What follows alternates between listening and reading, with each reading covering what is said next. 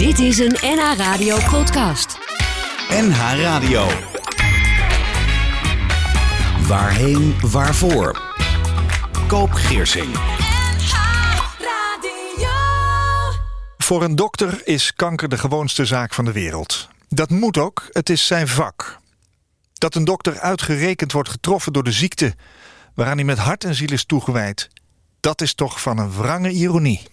In deze aflevering van Waarheen Waarvoor is mijn gast Warner Prevo. Een alfa-mannetje, een competitief baasje. Een oude hippe gast volgens zijn zoon Ino. Vrouwen fladderen door zijn leven. Alles was hem komen aanwaaien. Hij had automatisch bij de slimme, populaire gasten gehoord. Hij wilde piloot worden, maar werd op zijn ogen afgekeurd. Ging voor chirurgie, maar werd ook daar afgewezen. Ging als marinearts met het korps mariniers mee op missie naar Cambodja. Volgde daarna de anesthesieopleiding, maar vond dat te saai. Via de eerste hulp voor acute traumaopvang wordt hij uiteindelijk interventieradioloog. Chirurgie, maar dan zonder snijden. Een dokter met gevoel voor tumor. Hij behandelt mensen met kanker. Maar in het ziekenhuis waar hij werkt kreeg hij zelf de onheilspellende boodschap dat hij longkanker stadium 4 bleek te hebben. Warner Prevo behoort tot de groep van 10% van mensen met een bepaalde genetische mutatie waarvan de levensverwachting kan worden verlengd. Hij schreef met journalist Karin Overmars het boek Echte dokters huilen ook. Warner, welkom. Dank u wel. Een heel verhaal. Um, wat doet een interventieradioloog? Um, ja, nou, wat, wat, ik, ja, wat je eigenlijk net al zei, we, we opereren zonder snijden. ja, wat, wat, moet ik me daarbij voorstellen? Um, nou, het meest wat denk ik het grote publiek het meest wel herkent is dotteren. Um, de, de, cardiologen die dotteren de vaten in het hart. Mm -hmm. um, en interventieradiologen die dotteren uh, zeg maar de rest van het lichaam. Um, dus wij zoeken onze weg via vaten. En dat wat dicht zit kunnen we openmaken. Maar dat wat open staat, bijvoorbeeld bloedingen... dat kunnen we weer dichtmaken. Uh, en dan heb je dus een deel van de interventieradiologie wat niet met vaten te maken heeft. En dat is het deel waar ik uh, vooral ook uh, in gespecialiseerd ben. Dus dat je ja, complicaties van kanker, complicaties van behandelingen van kanker kan behandelen. En dat we ook ehm, inmiddels na, nou nu sinds een jaar of twintig... in toenemende mate in staat zijn om ook echt te helpen kanker te behandelen. Het makkelijkste voorbeeld is een ablatie. Dat is, uh, je prikt een uh, naald bijvoorbeeld in een levertumor. En dan zet je een generator aan en dan kook of brand je die levertumor weg. Dat doe je door de huid heen. En hoe komen we daar dan? dat de navigatie die wij gebruiken, dat zijn eigenlijk radiologische technieken. Zoals röntgenstralen doorlichting of CT-scan of echografie. dat gebruiken we om daar te komen. Um, dus uh, we hebben geen snee nodig. Nee. Dus we zijn uh, ook voor de patiënt uh, niet interessant. de patiënt kan niet in de kroeg laten zien van kijk, ik ben geopereerd. Dus die kan niet... geen hechtingen tonen. Kan geen littekens tonen. Want over het algemeen hebben we hele kleine prikgaatjes. Ja, ik begrijp het. Ik heb jouw boek Echte dokters huilen ook in één ruk uitgelezen. Het leest als een roman, boeiend geschreven, openhartig... en geeft mij als lezer inzicht wat iemand meemaakt... die de boodschap je bent ongeneeslijk ziek te horen krijgt. Ja. En misschien stel ik nu een obligate vraag, maar ik weet ook niet zo goed hoe ik hem beter kan stellen. Maar hoe gaat het nu met je? Um, nou, ik ben nu, ik zit nu in ongeveer mijn vijfde jaar van hè, dat je ziek bent, om dat, nog maar zo te zeggen. Um, het gaat, uh, de, ziekte is onder controle. Ik heb uh, een aantal. Uh, in het boek heb ik beschreven dat ik pilletjes slik. Dat doe ik nog steeds. Uh, ik ben geopereerd. Ik ben nadien kwam het weer terug. Ben ik heel uitgebreid bestraald. daar ben ik heel ziek van geweest. Het heeft heel lang geduurd voordat dat herstelde. Maar ja, inmiddels ben ik zodanig hersteld dat ik ook weer 100% werk. Dus dat gaat goed. Ehm, met Hoe mijn voel geest. je dan nu zo? Ja, ik, ik, ben, ik ben wel fit. Ik, ik ben niet vermoeider dan, dan mensen in mijn omgeving. Nee. Um, maar geestelijk, ja, dan gaat van alles door je heen. Uh, want uiteindelijk was de eerste boodschap: je hebt nog maar een jaar te leven. En um, ben altijd heel erg geconcentreerd op, ja, op mijn lichaam, op, op beter worden. vertrouwen hebben dat, dat dat wat je doet, dat dat goed is. Alhoewel je ook niet altijd weet of dat wat je goed eh, doet, of dat dat, of dat, dat goed is. Doe eigenlijk maar wat. Um, maar ja, um, de ziekte is nooit weg uit mijn geest. Ik sta ermee op, ik ga ermee naar bed. Het is er altijd op de achtergrond. Um, en het wordt daardoor dus ook een deel van je leven. En je kijkt. Het heeft mij ook wel veranderd. Ik ben, ben, dat, dat alfamannetje ben ik in mijn geest misschien nog wel. het staat in je boek. Maar in mijn daden niet altijd meer. Um, nee, nee. ik ben wel in staat om. Uh, uh, in het boek schrijf ik, beschrijf ik dan die wedstrijdjes met de tram. Dat ik, dat, uh, dat, dat ik tegenwoordig uh, niet meer achter elke elektrische fiets die me inhaalt uh, aan fiets. Nee. Dat ik wel dingen meer kan laten. Ja. Jij reed door een straat in Amsterdam en dan wist je, dan kwam die tram eraan ja. en wist je dat je hem bij kon houden. Ja, dat, nou, fanatis, dat ja. fanatisme van het eind van de straat ja. halen voordat die tram er is. Dat zat wel in je. Ja, dat is een lange straat. Dat is twee kilometer. Warner Prevo is mijn gast. Hij schrijft over zijn ziekte als arts, als patiënt, over wat het hebben van kanker met je omgeving doet, over de eenzaamheid, over zijn werk en over zijn veranderde kijk op de omgang met patiënten. We gaan erover praten hier in Waarheen Waarvoor. Warner, ik heb je gevraagd drie liedjes mee te nemen... die jij bij je uitvaart wil laten horen. En het verbaast me eigenlijk niet, nu ik je een beetje heb leren kennen door het boek... dat je er maar acht hebt uh, aangeleverd. Jij bent vandaag de muzieksamensteller van Waarheen Waarvoor. Dit is Montel Jordan met Close the Door.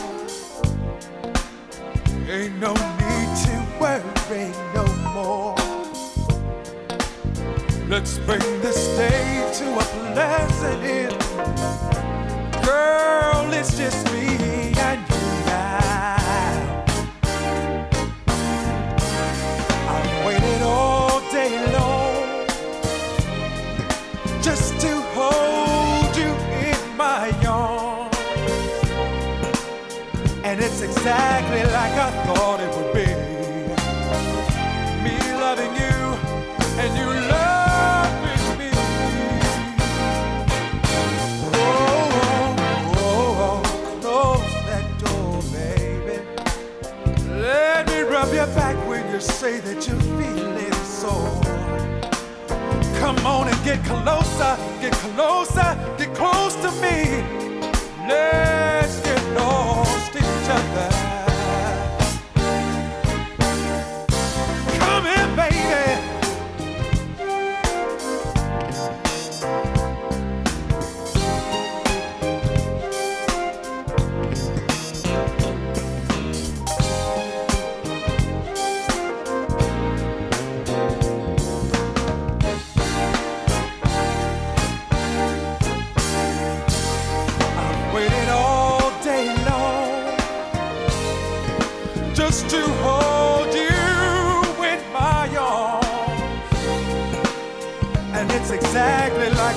thought it would be. Me loving you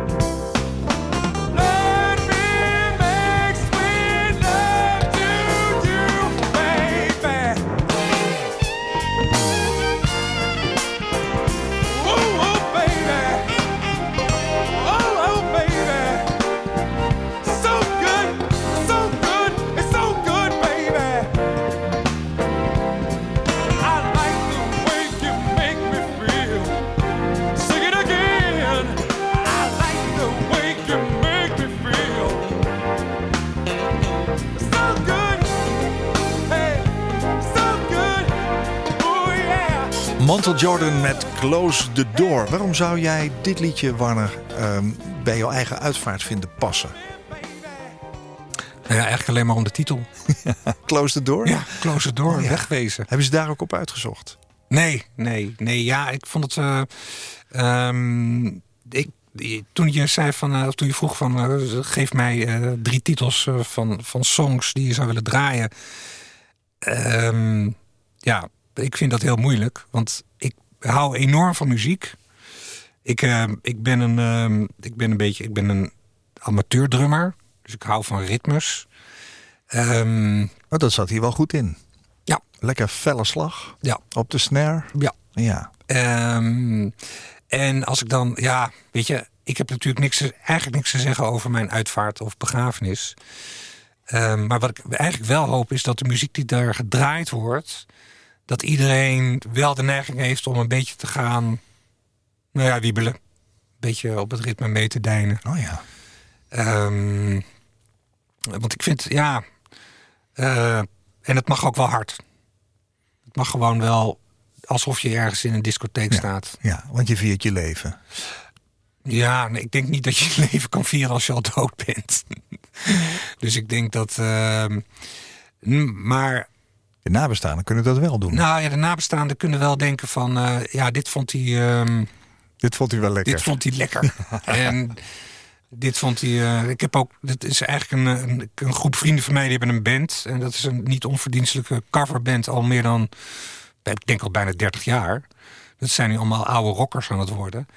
Maar ik heb er ook wel eens aan gedacht van. ehm, laat hun maar optreden. Ja. Ze, eh, elke, elk, elk nummer van hun dat swingt. Ja. Maar ehm, nee, dat kon ik niet. eh, toen je mij, mij dit verzocht, dacht ik nee, dat, eh, ik kon ze hier niet uitnodigen. Geen, nee, dat snap ik. Nee.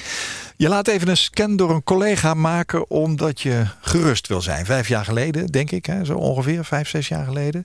Maar het resultaat van die scan is niet best. Aanvankelijk ziet het er slecht uit. Je zal Ja. van geluk mogen spreken als je nog een jaar te leven hebt. In het boek schrijf je... Ik heb de dood eigenlijk nooit beangstigend gevonden. Dood is dood. Ik ben er niet bang voor, maar ik zie wel op tegen de weg er naartoe. Wat gebeurt er met jou als je leven er van de ene op de andere dag 180 graden anders uitziet? Ja, dat, dat, dat was en soms nog steeds een enorme schok. Ik was verbijsterd, kon het niet geloven. Ehm, en misschien heel diep in mijn gedachten zat er ook wel iets van een soort. Ja, opluchting. Ik weet niet of het opluchting was, maar wel zo'n stemmetje van. eh, Oké, dit is dan duidelijk. Ehm, je hebt officieel krijg je een soort eh, eh, boodschap van je leven is. Hè, iedereen weet natuurlijk dat we allemaal een keer doodgaan, maar we zijn er nooit zo bewust mee bezig. Maar nu is dit een officiële boodschap dat jouw leven beperkt is en dat dat waarschijnlijk binnen nu en een jaar klaar is. En als je wat verder kijkt, dan is het misschien eh, met een beetje mazzel, is het over vijf jaar klaar. Dus dat, dan wordt het leven opeens ehm, ja, wel anders. Ja, Ehm, Ja. En, en het, je gaat. Ja, ik ben me eigenlijk vrij snel een buitenstaander van het leven gaan voelen. Omdat je zo geconcentreerd bent op je behandeling, op fit blijven. Ehm, eh, dat je ook wel kon zien van, nou ja, weet je, de, de, de onbezorgdheid die je. Nou, die ik ook heb gehad, maar is in één keer weg. die is totaal weg. Ja, ja, eh, er wordt wel gezegd dat je door een aantal fasen heen gaat. ja. eh, in je emotie. Heb jij dat zelf ook zo ervaren? Boos, Ehm, boosheid, ontkenning, Nee. dat soort dingen? Nee. Nee, ik heb. ik moet altijd een beetje lachen. ehm, eh, als je kijkt naar een Amsterdamse patiënt. dan zegt een Amsterdammer. Oh, dokter, waarom moet mij dat nou weer overkomen? En een Rotterdammer zegt meestal van. Nou, oké, dokter, eh, wat gaan we eraan doen? Ehm, ik ben van origine. Ik ben geboren in Rotterdam. Dat wel natuurlijk. Dat dan weer wel. Ehm, maar ik ben ook een beetje Amsterdammer in hart en nieren. Ja, je woont in Amsterdam. woon in Amsterdam. Je werkt in Amsterdam. ja, ja. Ik ben een enorme Ajax-fan en heb ook heel lang op de F-site gestaan. Kijk, Ehm, maar ehm, Ik heb vooral, ehm, ja, het overkomt je. Het is gewoon pech. Ja. En je moet met die pech er dan, dat is misschien een cliché, maar je moet er dan maar het beste van maken. Ja. Die boosheid, die, ja, ehm, moet ik boos zijn op mezelf omdat ik misschien niet altijd even gezond heb geleefd? Nou, nee. Nee. Moet ik, ehm, moet ik eh, eh, er verdrietig om zijn? Ja, dat misschien wel. Maar dat, dat verdriet is een. ehm, dat verdriet is iets wat er altijd is. En altijd op de achtergrond bij mij aanwezig is. Omdat ik, ehm, eh, ja, omdat ik mijn kind natuurlijk zo lang mogelijk wil meemaken. Eh, zo lang mogelijk eh, in mijn stamkroeg wil blijven zitten, bij wijze van spreken. En zoveel mogelijk met mijn vrienden wil zijn en met mijn familie. Je houdt gewoon van het leven. Ja, Ja. Over kanker zeg je, kanker is geen ziekte die je kunt verslaan door nog positiever te zijn. Oh, of door nog meer biologisch dynamische groenten te eten. Of door nog een tandje bij te zetten op de home trainer. Kanker is een ziekte die veel minder om de dood draait dan om doodgaan. Om het proces dat tot het einde leidt.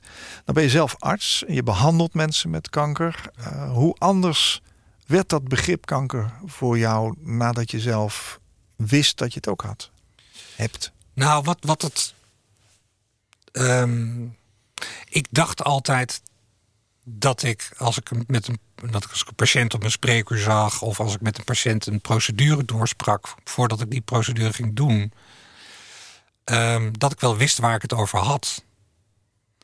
Maar ehm, pijn en ongemak, ehm, vermoeidheid, eh, zijn allemaal dingen waar je als je gezond bent en als dokter, dat je, je weet helemaal niet wat dat is. Als iemand, als een patiënt tegen zegt, ik ben zo moe, dan relateer je dat denk ik aan je eigen vermoeidheid. Maar je eigen vermoeidheid door bijvoorbeeld hard werken of veel sporten, Ja, dat is een eind van de dag en we je wat ja, moe. is Ja. Een, dat, maar dat is een gekozen vermoeidheid. En de vermoeidheid van een kankerpatiënt is vooral door de ziekte en door de behandelingen. Dat, daar, dat is een soort bijwerking.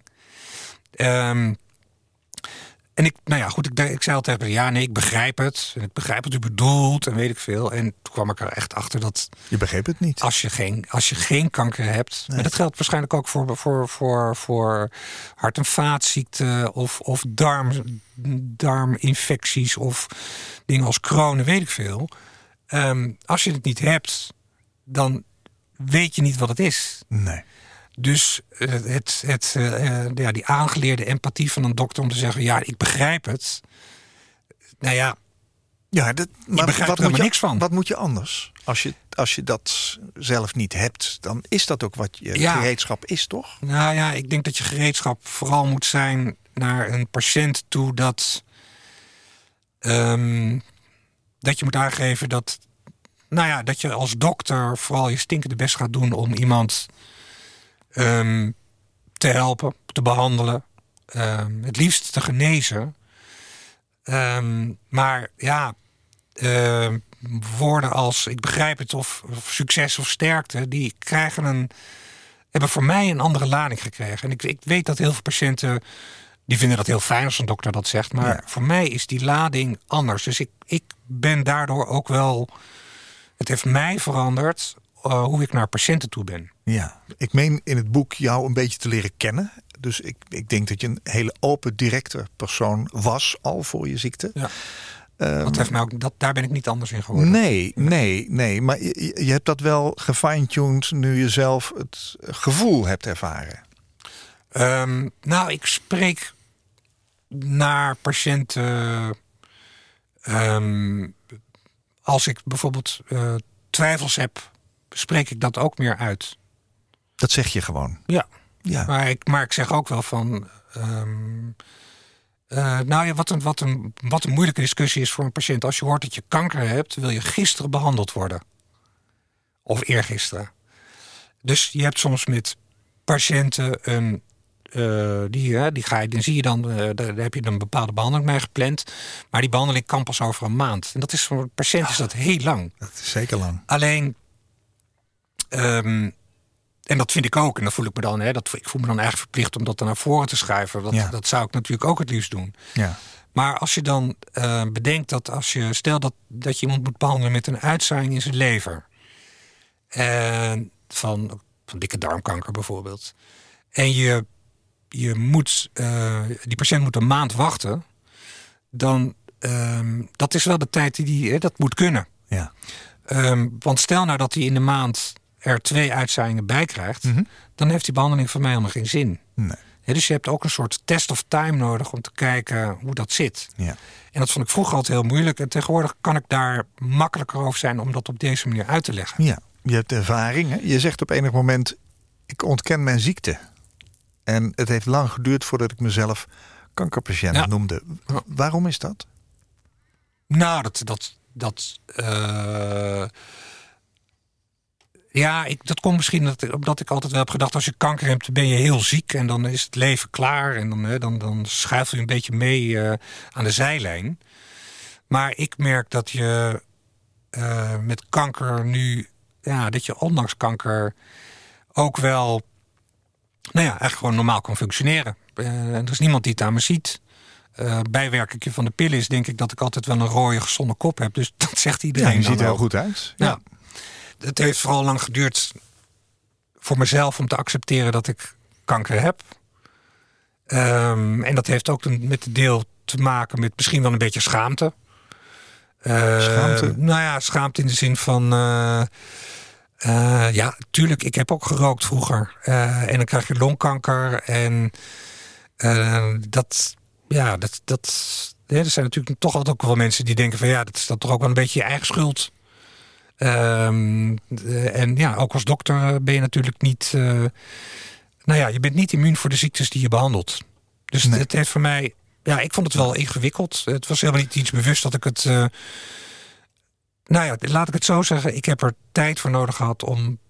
om ehm, te accepteren dat ik longkanker heb. Ja. En dat uitspreken, dat, dat vond ik heel moeilijk. En dat zal dan ook voor jouw patiënten gelden, waardoor Ja. je dat ook beter begrijpt. Hè? misschien wel, Artsen, ja. zeg je, zijn niet immuun voor de ziekte, maar Ja. verliezen zich vaak zo in de genezende kant dat ze dat soms vergeten. En over de ziekte zelf, kanker hebben is het toppunt van eenzaamheid. Ja, vind ik wel. Het is eenzaam om de enige te zijn die weet hoe het voelt. Ja. In periodes van onzekerheid en angst dompel ik me het liefst onder in alleenzaamheid, schrijf je. Ja. Wat is dat, alleenzaamheid? Ehm, nou ja, mensen hebben het over. Hè, dat, wat mensen natuurlijk vaak, vaak vragen: voel je niet alleen of voel je niet eenzaam? En dat zijn natuurlijk. Ja, de definities daarvan, dat loopt misschien een beetje door elkaar heen. het Ehm, een overkomt je, het ander kies je voor. Ja. Is dat het? Ja, misschien. Ehm, maar ik vind het fijn om alleen te zijn, maar voel mij daar niet eenzaam mee in. Nee. Ehm, dus daarom is het alleenzaamheid. Dat, Ja. dat is, een, dat is gewoon een term dat je. Dat, misschien is het wel een verkozen alleen zijn of alleen, eh, verkozen eenzaamheid. Soms vind iemand prettig om even in die alleenzaamheid te zijn. Ja, ik vind het heel prettig om. keus. Ja, Ja. Ja, omdat ik, omdat ik ehm, dat, nou ja, omdat wat ik net al zei, dat, dat, hè, dat die kanker is er altijd. Dat betekent ook dat je, nou ja, ik ben natuurlijk ook iemand die dan heel graag hard, hard rent en misschien ook wel wegrent. Eh, probeert, hè, nu, nu ik ook weer langer leef, ook weer te leren leven. Want dat, dat- ik ben op een gegeven moment wel even, even gestopt ik heb wel een tijdje aan de zijlijn gekeken wat er gebeurt in het leven. Ja. Ehm, maar ik merk dat, en dat is denk ik voor iedereen wel goed, dat er gewoon momenten zijn dat als je alleen bent, dat je dan ook eens even kan nadenken over, ehm, over waar je staat. Eh, bovendien denk ik dat het dat ehm, in deze tijdsgeest, dat iedereen maar op zijn mobieltje zit en iedereen druk is, dat Ehm, en ik heb dat inmiddels echt wel geleerd. Ik heb wel geleerd om niets te doen. Om te zitten op de bank. Of op het terras van mijn stamkroeg. En ik Amsterdam voorbij zie komen. Daar kun je ook van genieten. Ja, enorm.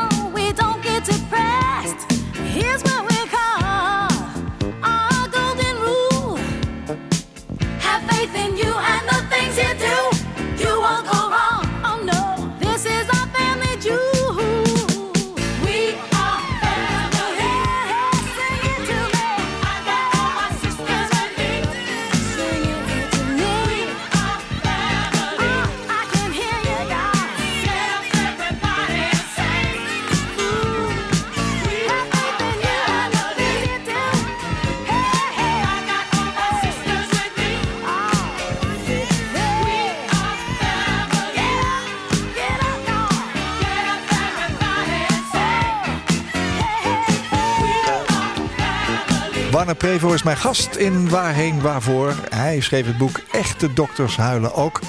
En daarin zeg je dat de kunst is om te leren vrede te hebben met je ziekte. Um, waarom hebben we net even geluisterd naar Sister Sledge? Want terwijl we het vorige nummer uh, beluisterden, zei je tegen hem: moet je zo meteen eigenlijk even We Are Family draaien. Waarom? ja. Op je uitvaart moet iedereen swingen. Ja, uh, nou ja, de titel is natuurlijk uh, We Are Family. Niet dat ik nou zo'n uitgesproken familieman ben, maar ik, dat ben ik misschien stiekem ook weer toch weer wel. En ja, um, dit is nou typische floor filler. Dat als je dit opzet bij een feest, dan gaat iedereen dansen. Ja, je bent gek op muziek. Ehm, maar je bent gek op je werk ook, hè? als uh, interventie radioloog. Dat je nog leeft, komt doordat jouw tumor wordt veroorzaakt door een genetische mutatie, heb ik al eerder gezegd. De zogenaamde EGFR-mutatie. Hiervoor bestaat een behandeling. Deze geneest niet, maar remt de tumorgroei af. En het medicijn wat je daarvoor krijgt, blijkt op een gegeven moment aan te slaan. Je leeft als kankerpatiënt, zeg je, van scan naar scan. En vlak voor een scan kijk je de dood recht in de ogen, lees ik in je boek. Kun je dat gevoel beschrijven? Ja, zo'n moment van de scan is. Uh, uh, kijk, je, je, je, je, je voelt je op een bepaalde manier. Hè? Je, zeg maar in de dag, weet ik veel. Je kan een kuchje hebben, of je kan wat eh, minder adem hebben, of je kan je heel fit voelen. Maar de bevestiging van hoe je je voelt uh, dat vindt met zo'n scan plaats door plaatjes. Um, en ja, die plaatjes die moeten we natuurlijk interpreteren. En als je kanker hebt, dan is, dan is er natuurlijk de angst dat het terugkomt, of dat het groter wordt, of dat het zich verspreidt. Ja. En dat betekent dat, dat eigenlijk zo'n scan ook een beetje je lot bepaalt. Jij hebt dat ook meegemaakt. Dat ja, het groeide. bepaalt. Ja, ja dat, dat je nou, toen had ik ook wel klachten. Toen dacht ik, oh oké, oké, voelt dat dan dus zo dat als het meer wordt, dan voelt het blijkbaar zo. Oké. Okay. Um, ja, en ik heb ook nog wel een soort stiekeme fascinatie van, hè, wat voelt men dan? Als iemand zegt, ik ben, ik heb zo'n hoofdpijn of ik weet ik veel, ik heb, ben zo kortademig in, maar wat voel je dan precies? Nou, dat, dat maak ik nu, nu natuurlijk steeds meer mee. Ja. Um, Waardoor je steeds meer begrip krijgt voor je eigen patiënten ook. Ja, maar ook wel dat het soms wel ook wel meevalt. Echt waar? Dat, ja, dat je denkt van, oh oké, okay, uh, eh, wow, zo met zo'n tumor toch nog de trappen op kunnen lopen of rennen. Dat is toch wel raar. Hmm. Ja, dus ik ben wel die plaatjes een beetje gaan relateren naar mijn eigen naar fysieke toestand. Maar, het, en dat, maar dat besef heb ik wel altijd al gehad. Dat als je iemand scant, dat het belangrijk is dat die patiënt zo snel mogelijk de uitslag ook heeft. En ik had, dat, uh, ik had het voordeel dat de patiënten die ik op mijn poli zag, die hadden we net gescand. En ik kon natuurlijk, omdat ik zelf radioloog ben, snel die uitslag geven. En als ik ze dan de spreekkamer inriep, dan uh, maakte ik altijd een beetje, ja, een beetje small talk. een beetje gezellig. Hoe is het? Hoe is het gaan schaatsen? Weet ik veel. En die mensen die waren zo gespannen dat ik dacht van... maar waarom reageer ze niet op mijn grappen? Of mijn small talk? En toen dacht ik, nou ja, ze willen gewoon... het eerste wat ze willen weten is die uitslag. Ja. En of het goed of slecht is, daarna leven we verder. Dus dat focus op die uitslag, dat, dat, dat herken ik. Dat doe je dus nu anders. Nou, ik, ja, nou dat. dat uh, ik lees in je boek dat je op weg naar ja, je uh, spreekkamer al zegt van nou het zag er goed uit. Ja, bij wijze van spreken, dat ik dat, eh, dat zeg ik natuurlijk niet echt op de gang, maar. Maar bij wijze van spreken dat je, dat je in feite dat je al in de, in, de, in, de, in de wachtkamer wil roepen. Het is goed, man, het is goed. Ja. Dat, dat is wel wat. Uh, wat dat met. Ja, dat, dat is wel wat ik waar wat ik me heb beseft wat ik, dat ik dat anders moest doen. En dat ben ik ook anders gaan doen. Ja.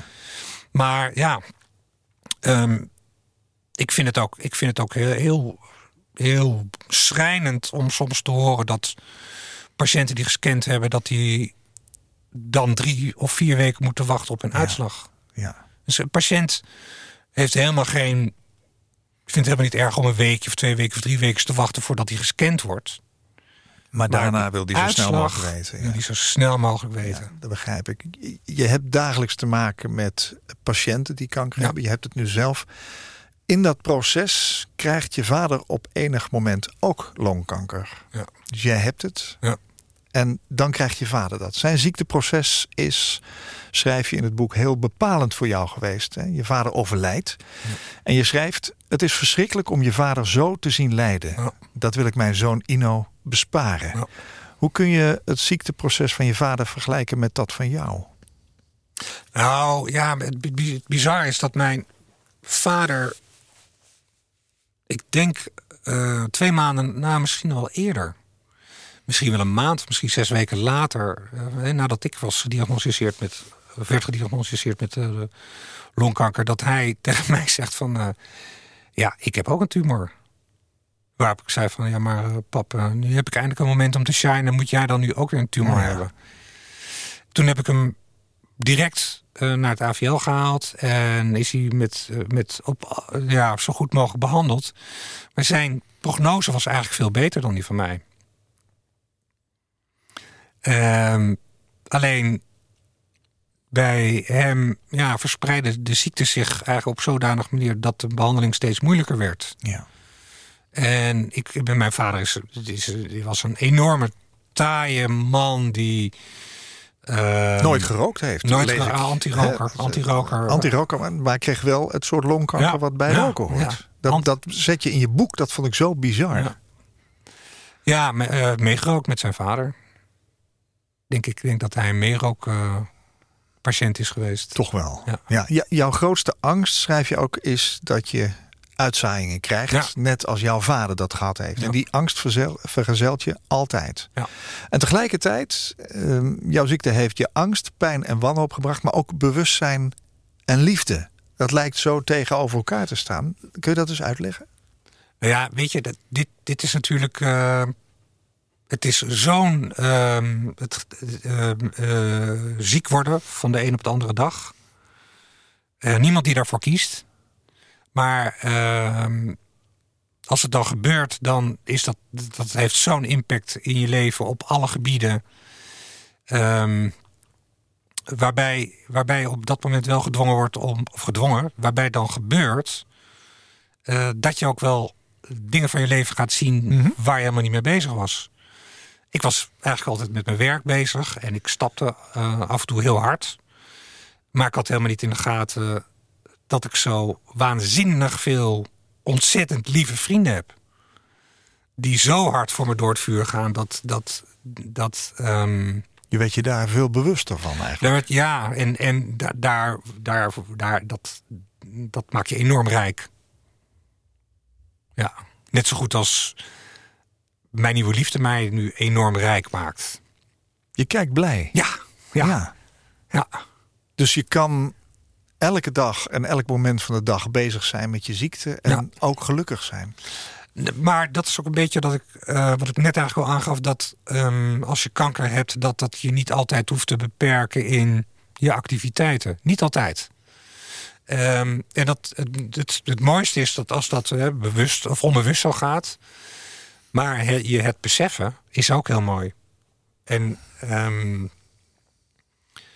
ja, dat, dat, dat en, en, en dat hoor je nu, nu hè, met, dat, met het hele coronavirus ook. Dat ja, waar het uiteindelijk om draait, is het om je familie en je vrienden. Dat, dat is de basis van alles. En ehm, eh, ja, ik ben dat voor een deel, ben ik dat, heb ik dat denk ik ook wel vergeten.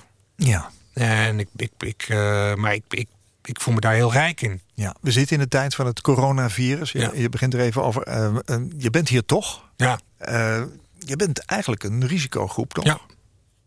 Heel frustrerend. Ja? Ja, ik wil het liefst natuurlijk op de barricade staan. Ja. Dat doe je toch met zo'n boek? Ja, maar ja, als dokter wil ik toch vooral ook mensen wil ik helpen, wil ik mensen genezen. Of op een nette manier helpen overlijden. Ja. Ehm, en dit, dat, dat hele COVID-gebeuren, dat is zo rauw. En zo onvoorspelbaar. En ehm, ja, ik ben er natuurlijk ook heel bang voor. Want ik ben natuurlijk ook bang dat ik het... Als ik het krijg, dan... Ja, mijn longen zijn niet de beste longen van deze wereld. Dus Nee. nee. Dus je bent extra voorzichtig wat dat betreft. Nou, ik, ik doe wel enorm aan social dis- distancing. Ja. Ja. en Ja. ik probeer. eh, ehm, en ik word ook wel in bescherming genomen door, door mijn werkgever. Ehm, die zegt van je moet maar even niet werken. Tenminste, dat zegt de bedrijfsarts. En dat eh, waardeer ik zeer, maar ik vind het wel heel moeilijk. Ja. Het liefst zou je daar gewoon zijn. Ja, Ja. Hebben wij genoeg afstand zo? ja. Wij zitten een paar meter uit elkaar. Hè? We gaan weer even naar jouw muzieklijst, want laten we die niet vergeten. Want eh, je hebt een hele mooie lijst eh, gemaakt. Waar gaan we naar luisteren wat jou betreft? Want het is te veel om in één uur allemaal te draaien. Ik heb nog ehm, Betty Wright bijvoorbeeld Ja. staan. Is dat een mooie? Ja. First of all, I'd like to say good evening. And we're so many of you could come out and share in all the love and all the happiness we have in store for you. We want you to have a real good time, because that's just what we have in mind. Is that all right with you? Now, this is a tune that I composed, and it's called Tonight is the Night that you make me a woman. Now, I never intended recording this song. It was a personal poem. That is until the day that my producer happened to thumb through the pages of my notebook. He came across the words and he said, We gotta do something with these words. It's happening every day, and people wanna hear about it, Betty. You see, it's the story of a young girl making love for the very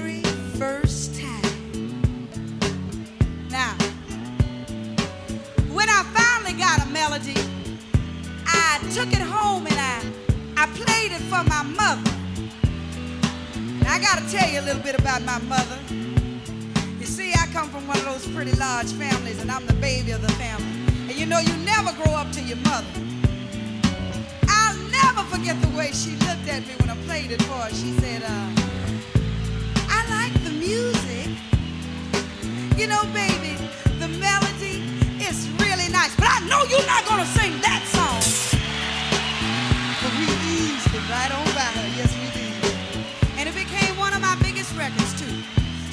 want you to do this for me, if you will. Everybody, think back to your very first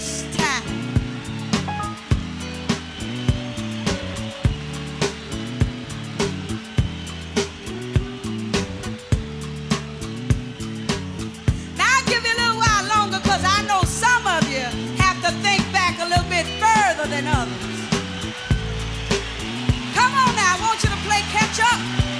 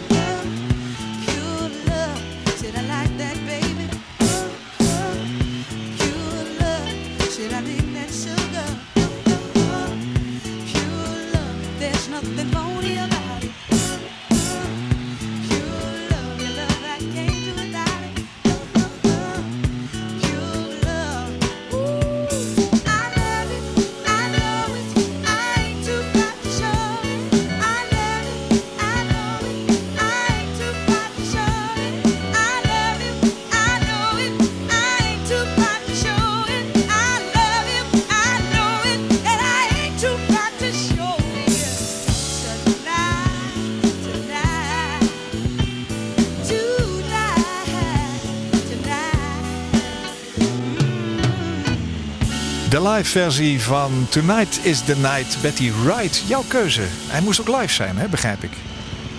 Ja, want uh, de studioversie is wat saai. Deze live versie heeft echt een soort interactie met haar band en met het publiek. En zit er veel meer emotie in en rauwer. Uh, en ondertussen is het een ik vind het een vet zwoel nummer. Ja, omgaan met patiënten, zeg je in het boek, is een totaal ander vak hè, dan alleen maar het dokteren. Je verplaatst je onwillekeurig toch meer in de patiënt dan toen je alleen nog maar dokter was. Nu ben je dokter en ervaringsdeskundige. Contact hebben met patiënten is bijna net zo belangrijk, zeg je, als de behandeling zelf. waarom is dat? Um, nou, omdat, omdat ik er toch ook wel achter kwam of ben gekomen dat. Het is echt iets voor mezelf. Hè? Dat is helemaal niet een, het is niet een wet van mede en persen. Maar um, als je. Uh, nou ja, ik kreeg door dat ik. ik heb die diagnose zelf gesteld, bij wijze van spreken, samen met mijn collega's. En dan moet je naar huis en dan moet je dat uh, aan je zoon vertellen, die, die zich afvraagt waar je al die tijd bent. En dan moet je dat aan je familie vertellen. En, en wat gebeurt er dan? En als dokter concentreer je eigenlijk alleen maar op het brengen van slecht nieuws. En het kan ook niet, denk ik, dat we ons dan nog verder gaan eh, proberen in te beelden of rekening houden met hoe, dat, zo'n patiënt dat in een thuissituatie brengt. Maar daar ben ik, daar, daar ben ik wel achter gekomen van dat weten we helemaal niet. Uh, als wij een patiënt zien, is het maar een tijdsmoment van zo iemand in een ziekte. Dat geldt ook voor als hij opgenomen is of voor de behandeling. Um, dus de behandeling alleen is maar een klein deel van de ziekte van zo'n persoon. Dus dat is meer wat ik ermee bedoel. Dat je dat, dat praten met de patiënt, um, dat, dat, dat dat ook een deel van de behandeling is. Waarvan wat, uh, wat niet onderschat mag worden. Omdat Gebeurt het te weinig, vind je, als je naar de volle nou. breedte van uh, de artsenij kijkt, zullen we zeggen? Ik denk dat we er te weinig tijd voor hebben. Dat is het, hè? En ik denk dat we te weinig tijd krijgen. Want er zijn altijd weer allerlei managers die denken van het kan goedkoper, het kan efficiënter. Um, we doen een poli, elke, we doen, bij een poli doen we elke 10 minuten een patiënt. En dan, ja, en dan zit daar een patiënt tussen die, die een slechte boodschap moet brengen. Dat kan niet in 10 minuten. Ja. Ja. En wat er daarna gebeurt, hè, dan, dan heb je, nou, stel dat dan zo'n gesprek een half uur, misschien wel 40 minuten duurt. Dan moet je daarna Inhalen. tijd inhalen. Ja. Dus dat betekent dat je misschien die patiënten wat afraffelt. Of, ehm, hè, of met het risico, of, of, of hè, de- daartegenover staat dat, dat je poli verder uitloopt. Eh, dus je hebt stress omdat je met de volgende patiënt, hè, dat je die ook zo goed en zo kwaad als mogelijk op een goede manier de aandacht geeft die die nodig heeft. Ja.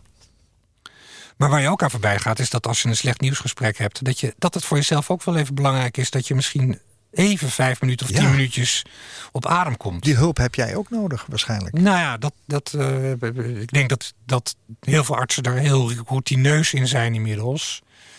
Maar ondanks dat moet je niet de impact daarvan eh, onderschatten. Ja. ja. Heeft, En dat heeft, niet. heeft het schrijven van het boek Echte Dokters Huilen ook heet het. En je hebt het samengeschreven, dat weet ik met Karin Overmars. Maar heeft het schrijven van het boek jou zelf geholpen? Nou, het heeft mij, het, het heeft mij geholpen ehm, om, om het, zoals dat dan heet, een goede plek te geven. Ehm, maar dat is een vrij dynamische plek, want ehm, omdat ja, kanker is natuurlijk ook een dynamisch iets. Dus Ja. er kan altijd weer wat gebeuren. Dat kan de hele tijd heel goed gaan. Ja. Dan zit je in een piek en dat kan weer, je kan misschien een uitzaaiing krijgen. Nou, dat wordt een dal of dat wordt een dalletje. Dat weet je niet. Hè? Dus het is, je, je Ehm, nou ja, los van dat het een plek, dat het een plek heeft, dat eh, denk ik dat ik wel geleerd heb dat ik misschien voor mezelf anders om moet gaan met de patiënten. Ja, ja. Dat schrijf je Ehm. ook. Hè? Je zegt als dokter heb ik zoveel leed gezien, maar er is wel degelijk iets veranderd sinds ik zelf ervaar wat wij onze patiënten laten doorstaan. Je, je levert in het boek ook kritiek op medische collega's. En je schrijft onder andere er zijn artsen die patiënten zien als medische databases, om er maar een voorbeeld uit te halen. Hoe is er door collega-artsen op het boek gereageerd? Ehm, ja, misschien omdat ik dan een kankerpatiënt ben, dat ze rekening met me wilden houden. Ehm, maar ik heb, ja, ik, ik heb echt alleen maar hele positieve, lieve reacties gehad. En ja, dus misschien een enkeling die er een kanttekeningetje over had. En met name hè, dan discussie over van ja, ehm, hoe moet je dan omgaan met empathisch zijn naar de patiënt toe. Maar over het algemeen heel, heel positief. Eh, ook, ook dokters die, die dan zeiden van ja, maar door jou ben ik mijn podi anders gaan doen. Ehm, Er dus van leren. Ook. en er dus van geleerd hebben. Ehm, wat ik ontzettend, dat vind ik, dat vind ik een enorm compliment. Heel bijzonder van, eh, eh, ook uit een hele onverwachte hoek. En die zei van, ja, ja, ik vraag tegenwoordig aan mijn patiënt van, eh, wat kan ik voor jullie, wat kan ik nou echt voor jullie doen? En ze zegt, ik kwam, ik, eh, ik, ik kwam frisser uit mijn poli, ik kwam opgeluchter uit mijn poli. Ehm, het gaf inspiratie. Ja, dat, dat vond ik, eh, dat vind ik heel bijzonder. Is dat wat je zou willen bereiken ook met het boek? Ja, dat, dat, dat ik, ik weet niet zo heel goed wat ik, ehm, wat ik met het boek wil bereiken. Omdat- Nee, maar als je het alleen maar een plek wilde geven, had je het ook voor jezelf kunnen Ja. schrijven en je zoon laten lezen en zeggen van nou dit is van ons, dit is ons verhaal, maar je hebt het wel naar buiten gebracht. Ja, nou ja, uiteindelijk, dat is een beetje. eh, Karin had op een gegeven moment bedacht van ik ga over jouw boek schrijven. Dat heeft even geduurd voordat ze me overtuigd had. Ehm, maar uiteindelijk vond ik het. ehm, ik vond het heel erg leuk om met haar te werken en te schrijven. Iets, hè, dat is een dimensie die je met uitgevers en zo. Dat is iets waar. Dat is niet wat je kent, maar dat is heel leuk om een keer in die wereld eh, rond te lopen. Ehm, en een van de, dat zijn een van mijn beste vriendinnetjes, die zei van mijn gast, als je dit boek gaat schrijven, dan moet je met je billen bloot. Dus voor een deel zat er ook een soort van therapie voor mezelf in. Ehm, en nou ja, ik, ik, wat, ik, wat misschien dan het doel van het boek wel is geweest, of is, is dat ik, dat ik wil graag wil laten zien dat nou ja, dokters ook maar mensen zijn. Eh, dat we ons stinkende best doen, maar dat we ook zelf ziek kunnen worden. En dat, en dat het precies hetzelfde met je doet als bij elke andere patiënt. Misschien zoiets. Ja. Ik vind het een prachtig boek. In deze aflevering van Waarheen Waarvoor was mijn gast Warner Prevo, interventieradioloog. Hij behandelt mensen met kanker en kreeg zelf te horen dat hij het ook heeft. Warner wordt nu geconfronteerd met de andere kant van kanker. De kant van de patiënt, die ook vader, geliefde, vriend en collega is. De ziekte verandert zijn blik op kankerpatiënten voorgoed. Dat vertelde hij ook hier in Waarheen Waarvoor. Evenals de vitale, nuchtere manier waarop hij met tegenslagen omgaat. Er is niets meer te verliezen, dus wat kan je nog gebeuren? In Echte Dokters Huilen ook vertelt hij zijn verhaal. Het is uitgegeven bij Ambo Antos. Warner, dank dat je hier was. Dat je je verhaal wilt delen, erover praten. Dat je ons inzicht geeft in de wereld van de kankerpatiënt. En dank ook vooral wat je voor anderen doet. Nou, graag gedaan. Ik wens je een mooie dag toe. Van hetzelfde. Koop Geersing. Als jij een keer te gast wilt zijn in Waarheen Waarvoor om te vertellen over jouw levensreis, laat me dat dan weten via waarheenwaarvoor.nhradio.nl. Waarheenwaarvoor.nhradio.nl. Dit was een NH Radio podcast. Voor meer, ga naar nhradio.nl. Radio.